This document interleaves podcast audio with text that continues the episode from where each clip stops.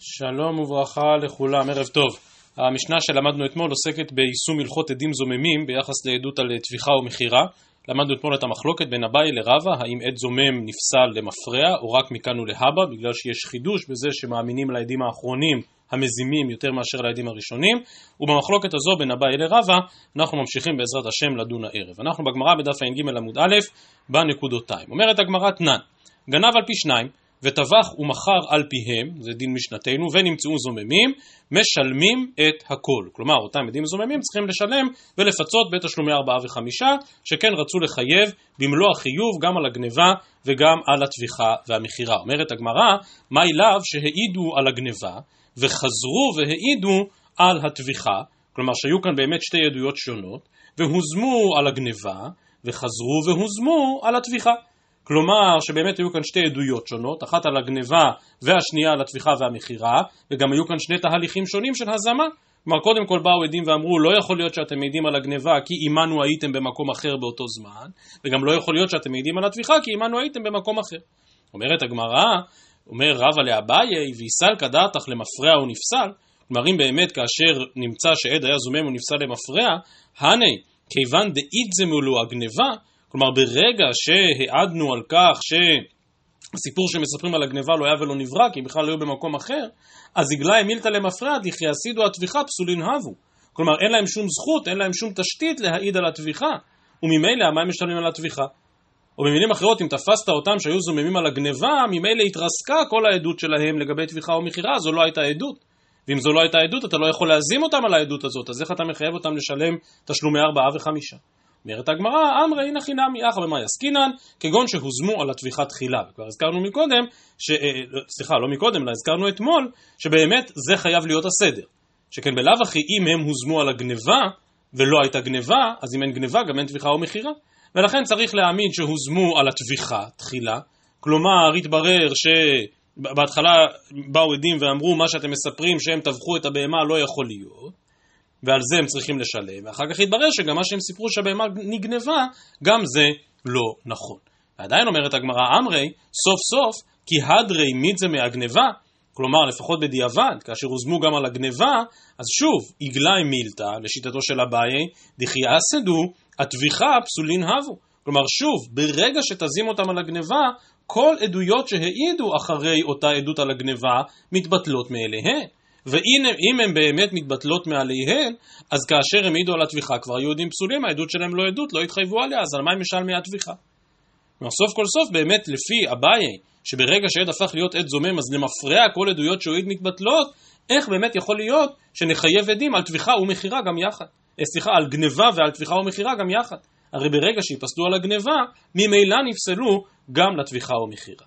טוב, אז לכאורה באמת משנתנו מוקשה, ועל כן אומרת הגמרא והלכתה, הדרך היחידה להעמיד את ההלכה הזו, שהעידו בבת אחת והוזמו. וכפי שנראה מיד בגמרא, אם העידו בבת אחת, הכוונה שממש העידו בתוך כדי דיבור. מדובר על עדות אחת. וכאשר הם העידו עדות אחת ובאו וסיפרו סיפור שלם, דהיינו שפלוני אלמוני גנב ואחר כך הוא גם טבח ומכר, אז את הסיפור הזה גופו אני מצליח להזים, את הסיפור הזה גופו אני מצליח לפרוח, ואז הם באמת מתחייבים בתשלומי ארבעה וחמישה, כאמור, כאשר העידו בבת אחת. אמנם גם בזה, כמו שהזכרנו מקודם, וכמו שרש"י מדגיש, נדרשת הזמה על הטביחה עוד לפני הזמה על הגניבה. כי שוב, גם אם מדובר על עדות אחת, בבת אחת, בתוך כדי דיבור, אם הם הוזמו על הגניבה, שוב לא שייך לדבר על טביחה. כי לא הייתה גניבה. ולכן אם העדות הייתה באמת עדות אחת, ואז הוזמו על הטביחה ואז הוזמו על הגניבה, ממילא באמת אותם עדים יכולים להתחייב בתשלומי ארבעה וחמישה. אלא שכדי להבין מה זאת אומרת שהייתה כאן עדות אחת, ממשיכה הגמרא ואומרת לימה כתנאי, ואולי בעצם כל היסוד הזה של אביי ורבא, והאם בכלל יש פסול למפרע, שנוי במחלוקת התנאים הבאה. נאמר בברייתא, היו שניים מעידין אותו שגנב, והן, כלומר אותם שני עדים, מעידים אותו שטבח. והוזמו על הגניבה, עדות שבטלה מקצתה, בטלה כולה, כמו שהסברנו. אם יתברר שהסיפור על הגניבה לא היה ולא נברא, אז ממילא הסיפור על הטביחה לא רלוונטי. עדות שבטלה מקצתה, בטלה כולה. לעומת זאת, אם הוזמו על הטביחה, הוא משלם תשלומי כפל, כי הוא כנראה באמת גנב, ועל הסיפור הזה לא מצאנו פרחה, לא מצאנו הזמה. ולכן הוא משלם תשלומי כפל, והן משלמים תשלומי שלושה. וזה מקביל לדין שראינו אתמול במשנתנו, הזכרנו שלרמב"ם יש פרשנות מיוחדת לעניין הזה של התשלומי שלושה, אבל על כל פנים העדים שרצו לחייב אותו רק בחיוב נוסף של ארבעה וחמישה על טביחה או מכירה, העדים הללו באמת הוזמו.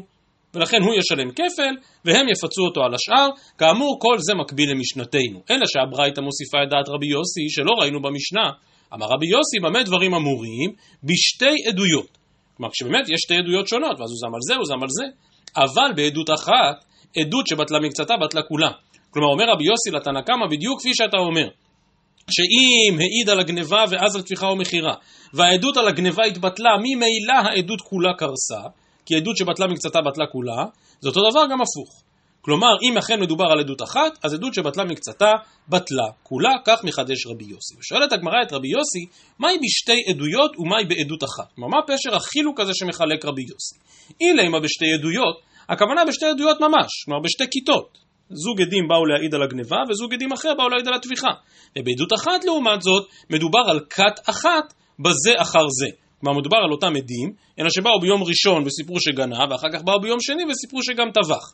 ועל זה אמר רבי יוסי, שבעדות אחת, שבכת אחת בזה אחר זה, כי מסדי הגניבה, והדר מסדי הטביחה, כי מיתזה מהטביחה, כלומר אם פרחנו את דבריהם על הטביחה והם נמצאו זוממים, אז עדות שבטלה מקצתה, בטלה כולה, ואית זה מולהו גם על הגניבה. שוב, לדעת רבי יוסי, עדות אחת הכוונה אותו זוג עדים, אבל באו והעידו שתי עדויות שונות. על זה אומרת הגמרא, שלוש מילים קצרות, מהיכא תהיתי הך. כלומר, איך, איך רבי יוסי יכול להגיד דבר כזה? שתי עדויות, אמנם זה אותו זוג עדים, אבל אותם שני עדים מסרו את העדויות בשני ימים שונים. באו ביום ראשון העידו על גניבה, באו ביום שני העידו על טביחה ומכירה, ברור שאלה עדויות מנותקות. איך אתה יכול להגיד במצב כזה עדות שבטלה מקצתה, בטלה כולה? אז אולי היה אפשר בכל זאת לומר שיש בזה קצת סברה, כמו שכבר דיברנו כמה פעמים בפרק שלנו, שבעצם כל העניין של גניבה וטביחה ומכירה זה הכל סיפור אחד, ולמרות שהעדים מסרו חלק מהעדות היום וחלק מהעדות מחר, אבל עדיין יש כאן עדות אחת, אבל הגמרא לא מוכנה לקבל את זה. מאיך התהייתי אח, מה פתאום? שרבי יוסי יגדיר דבר כזה כעדות אחת שאם בטלה מקצתה בטלה כולה? שוב, העדים סיפרו סיפור ביום ראשון על גניבה, סיפור ביום שני על טביחה, אז אם הצלחתי להזים אותם לסיפור על הטביחה, אז ממילא בטלה כל העדות, והתבטלה גם העדות של יום ראשון, מה פתאום? אלא לאו, אומרת הגמרא, חייבים להסביר שכשרבי יוסי אומר בשתי עדויות, כוונתו בעדות אחת כאין שתי עדויות. ומה הניעו? כת אחת בזה אחר זה. כלומר, הסיפור שסיפרנו עד עכשיו. מדובר על כת עדים אחת, שביום ראשון סיפרה סיפור אחד, ביום שני סיפרה סיפור אחר, ו- ואלה באמת שתי עדויות נפרדות. אבל, כאשר מדובר על עדות אחת בבת אחת, לא. כלומר שלדעת רבי יוסי בזה, כאשר העדות אחת היא בבת אחת על גניבה וטביחה או מכירה, בזה באמת אומרים שעדות שבטלה מקצתה בטלה כולה. וגם אם הבאת עדים על הטביחה, עדים זוממים על הטביחה, עדים מזימים על הטביחה, הרי שאתה אומר שעדות שבטלה מקצתה בטלה כולה.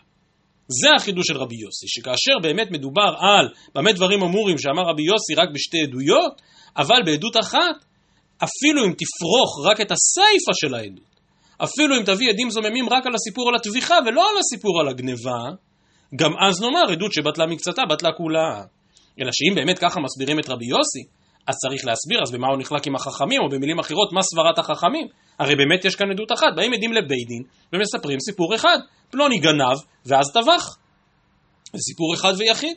אז אם אתה מזים אותם, אתה לכאורה מזים את הכל, כמו שרבי יוסי אומר. אז מה סברת החכמים?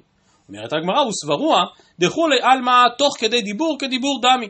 ואם ככה עוד יותר לא ברור, אז למה החכמים חולקים על רבי יוסי? הרי זה באמת עדות אחת, בבת אחת, תוך כדי דיבור, בנשימה אחת. על כורחנו מה אליו באקא מפלגי? דרבנן סברי שעד זומם מכאן ולהבא הוא נפסל, כמו שאומר רבא.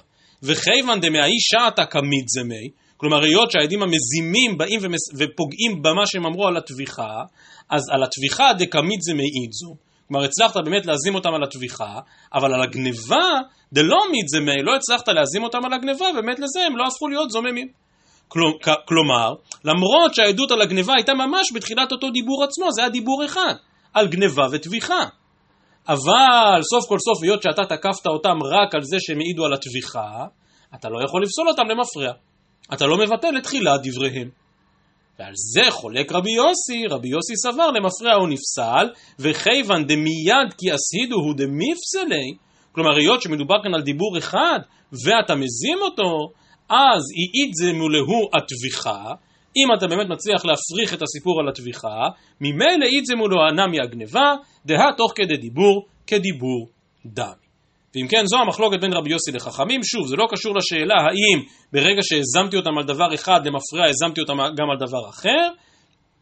אה, סליחה, אלא, שוב, אלא אומרת הגמרא, כל השאלה זה האם באמת אני מצליח להזים אותם למפרע.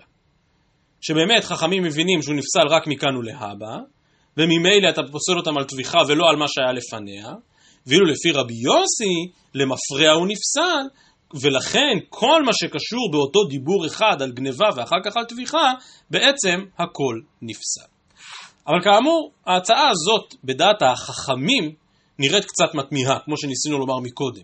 כלומר, לדעת החכמים באמת מדובר פה על מי שבא לספר סיפור אחד, בנשימה אחת בתוך כדי דיבור אמרו שפלוני גנב ואז טבח, ובכל זאת באים החכמים ואומרים, טוב, אבל המזימים הם רק על הטביחה ולא על הגניבה. איך, איך אפשר לומר שזה לא מבטל את כל הסיפור? ולכן הגמרא באמת דוחה את ההצעה הזאת בדעת החכמים ואומרת, אמרי אי תוך כדי דיבור כדיבור דמי, דכולי עלמא למפרע ונפסל. ברור שאם באמת היה כאן היגד אחד, אז ברגע שפרחת את הסיפה של ההיגד הזה, ברגע שהזמת את הסיפה של ההיגד הזה, ברור שפרחת את הכל.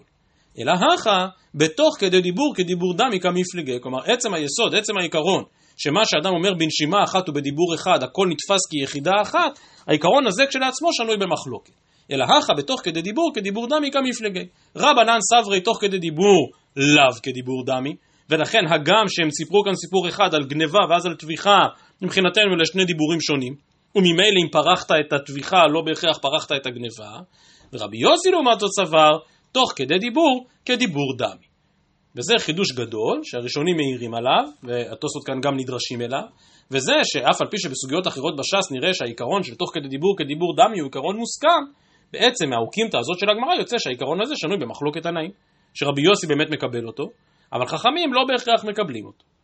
ושואלת הגמרא, דף ע"ג עמוד ב', וסבר רבי יוסי תוך כדי דיבור כדיבור דמי, האם רבי יוסי כן מקבל את העיקרון הזה? ואתנן. הרי זאת תמורת עולה תמורת שלמים. מי שעושה תמורה, לוקח בהמת חולין ולוקח בהמת עולה ואומר זו תמורת זו, אז בהמת התמורה נתפסת בקדושה. מה נעשה אבל אם מישהו אמר תמורת עולה, תמורת עולה תמורת שלמים, אין דבר כזה, בהמה אחת לא יכולה להיות גם עולה וגם שלמים. אז אומרת המשנה, הרי זו תמורת עולה דברי רבי מאיר. רבי מאיר אומר, תפוס לשון ראשון, אמרת תמורת עולה הבהמה התקדשה, וזהו. רבי יוסי לעומת זאת אומר, אם לכך נתכוון מתחילה, האם מראש הוא רצה באמת להפוך את הבהמה הזאת להיות גם עולה וגם שלמים, הואיל ואי אפשר לקרות שני שמות כאחד. הוא לא יכול להוציא מהפה את המילים עולה ושלמים ביחד, רק הקדוש ברוך הוא יכול אה, לומר זכור ושימור בדיבור אחד, מה שאין הפה יכול לדבר ואין האוזן יכולה לשמוע. ולכן אומר רבי יוסי, אם מראש הוא באמת רצה לקחת את אותה בהמה ולעשות אותה גם עולה וגם שלמים, דבריו קיימים, ולכן צריך למכור את הבהמה, ובדמי חציה להביא עולה, דמי חציה להביא שלמים. אבל ממשיך רבי יוסי ואומר, ואם אמר תמורת עולה, ונמלח ואמר תמורת שלמים, כלומר הוא לא התכוון לזה מלכתחילה, אלא הוא שינה את דעתו, במצב כזה רבי יוסי יודה לרבי מאיר, שהרי זו תמורת עולה. וכאשר למדנו את המשנה הזאת, ואבינן בה שאלנו, נמלח? פשיטא. הרי ברור שאם הוא אמר שזו תמורת עולה, אז היא תמורת עולה. הוא לא יכול אחר כך לשנות את דעתו, כי היא כבר נתקדשה. אז מה החידוש של רבי יוסי? ואמר רב פאפא, נמלח בתוך כדי דיבור כאמרינן. וזה החידוש, שבכל זאת לדעת רבי יוסי, אף על פי שזה בתוך כדי דיבור, הוא לא יכול לתקן את דבריו. הוא לא יכול לשנות את דבריו. ואם הוא אמר שזו תמורת עולה, אז אם מלכתחילה הוא התכוון גם עולה וגם שלמים, בסדר. אבל אם מלכתחילה הוא התכוון עולה, ואחר כך נמלח ותיקן את דבריו, הגם שזה בתוך כדי דיבור, אתה מבין שיש כאן משהו נפרד, ושלא מדובר על דיבור אחד.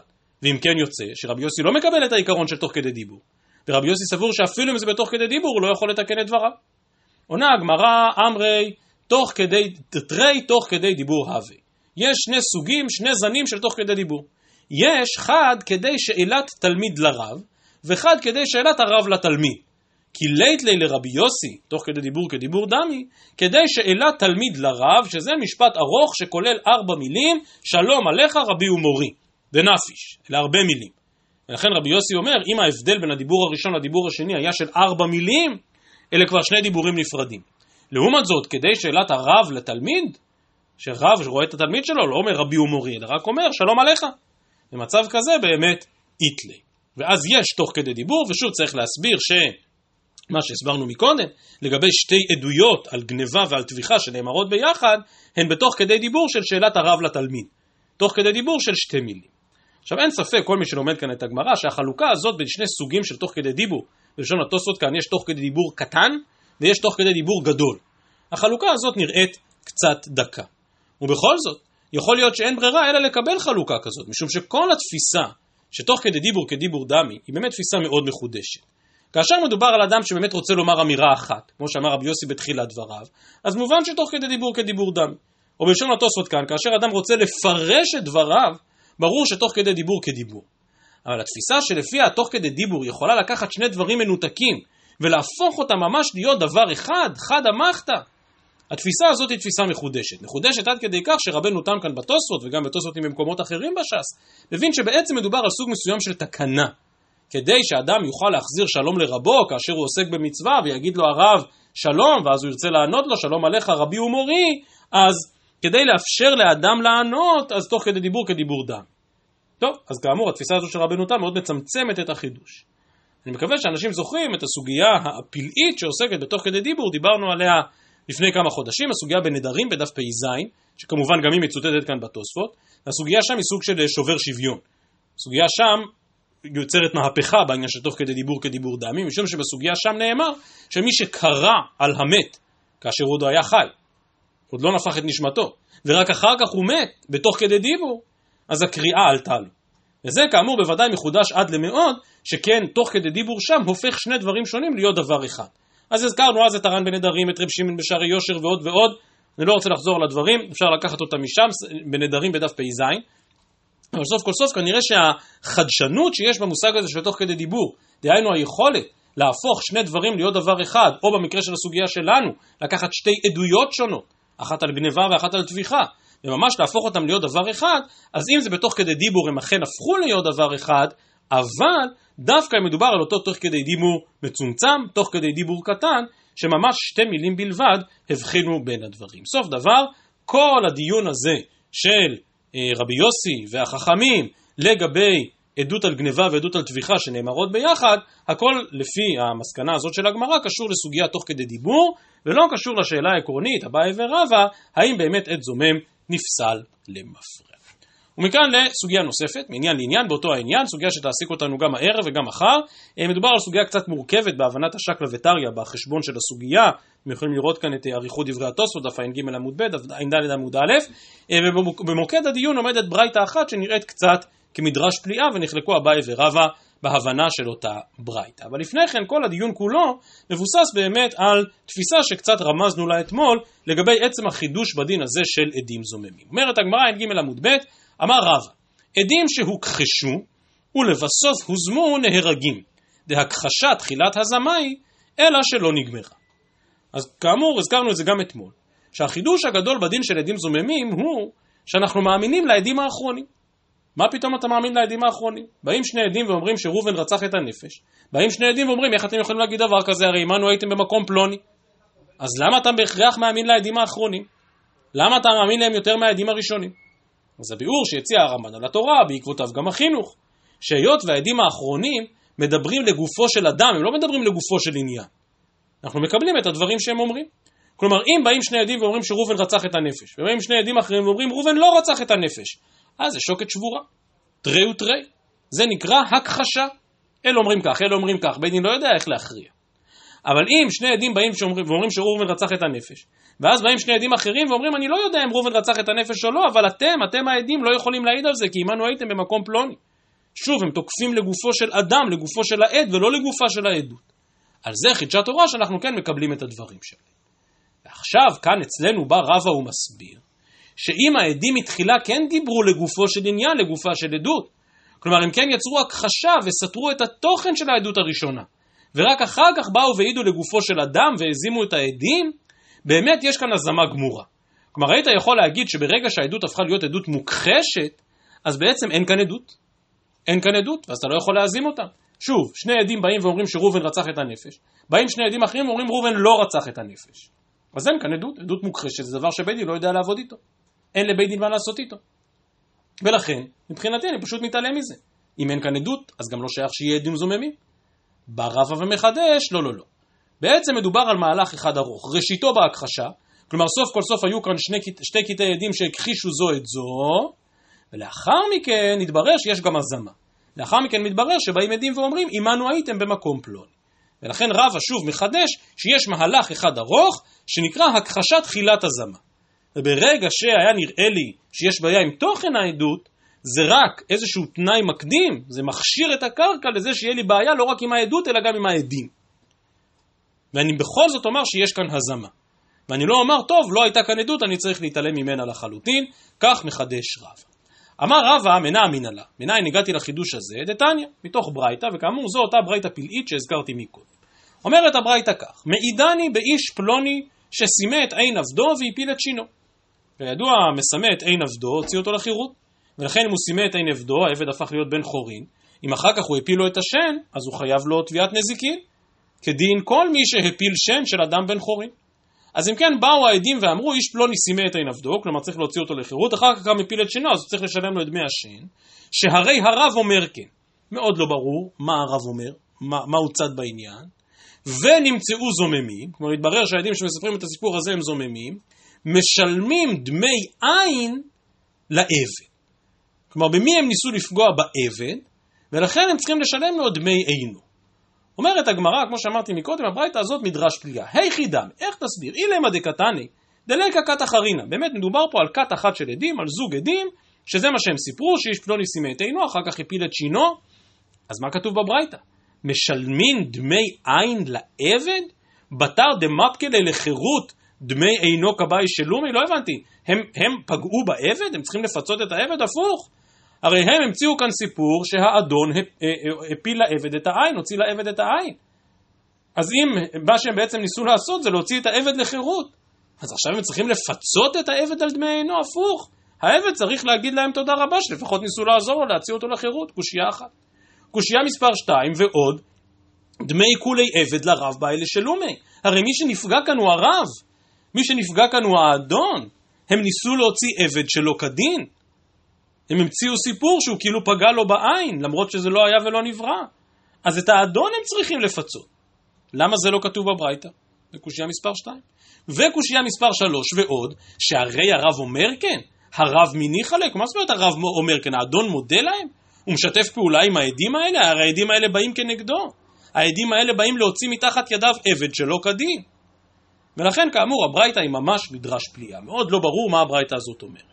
אלא לאו, רבא נאלץ להוסיף ולפרש, ולומר כך, כגון דעתו בית רי, באים שני עדים, ואמרי הפיל את שינו סימא את עינו.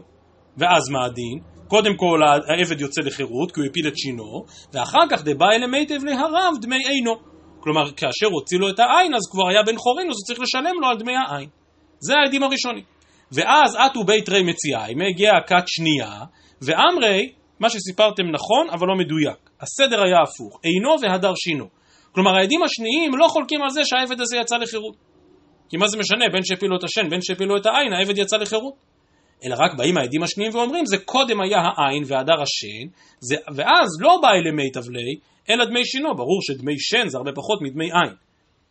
ולכן דקמקחי שלי קמאי למציאי. כלומר הראשונים חולקים על השניים, הראשונים אומרים לא לא לא לא לא, הוא הפילו קודם את השן, וכשהוא הפילו את העין הוא כבר היה בן חורין, צריך לשלם לו עין. והעדים השניים אומרים לא, הוא, הפיל, הוא הוציא לו את העין, ועל זה הוא השתחרר, ועכשיו צריך לשלם רק דמי שן. ואם כן, יש הכחשה בין העדים הראשונים לבין העדים השניים. והיינו, אומרת הגמרא, שהרי הרב אומר כן. עכשיו הרב ברור שהוא נוקט עמדה כדעת, כדעת המציאי, כדעת השניים. דניחא ליה במאי דקא אמרי. כי לפי העדים הראשונים הוא צריך לתת לעבד את דמי העין, שזה הרבה. ולעומת זאת, לפי העדים האחרונים, הוא צריך לתת לו רק דמי שן, שזה פחות. ולכן הרב אומר כן, כלומר הוא מצדד בעדים השניים ולא בעדים הראשונים. ושוב, אין מחלוקת בין העדים הראשונים לשניים על עצם זה שהאדון צריך לשחרר את העבד. כי ככה או ככה הוא פגע בו. כל השאלה זה כמה הוא צריך לשלם. וקטן, עכשיו מסיים רב את ההוכחה ואומר, ונמצאו זוממים מציאי, כלומר התברר שהעדים השניים שכאילו באו לטובתו של האדון, דהיינו שהאדון צריך לשלם רק דמי שן ולא דמי עין, העדים האלה נמצאו זוממים, ולכן משלמים דמי עין לעבד. כלומר, העבד היה אמור לקבל דמי עינו, הם ניסו להפוך את הסדר, ואז העבד יצטרך לקבל רק דמי שינו ולא דמי עינו, ובכל זאת קטן יש למצוא זוממים וצריך לשלם דמי עין לעבד. שמע מינה אומר רבא, הכחשת תחילת הזמאי. כלומר, אף על פי שמראש העדות שלהם הייתה מוכחשת, כי הייתה סתירה בין העדות השנייה לעדות הראשונה, זה לא מונע מאיתנו להזים אותם, ולחייב אותם על מה שהם רצו להפסיד את העבד. עכשיו שוב, לגבי השחרור אין מחלוקת. ברור שהעבד משוחרר.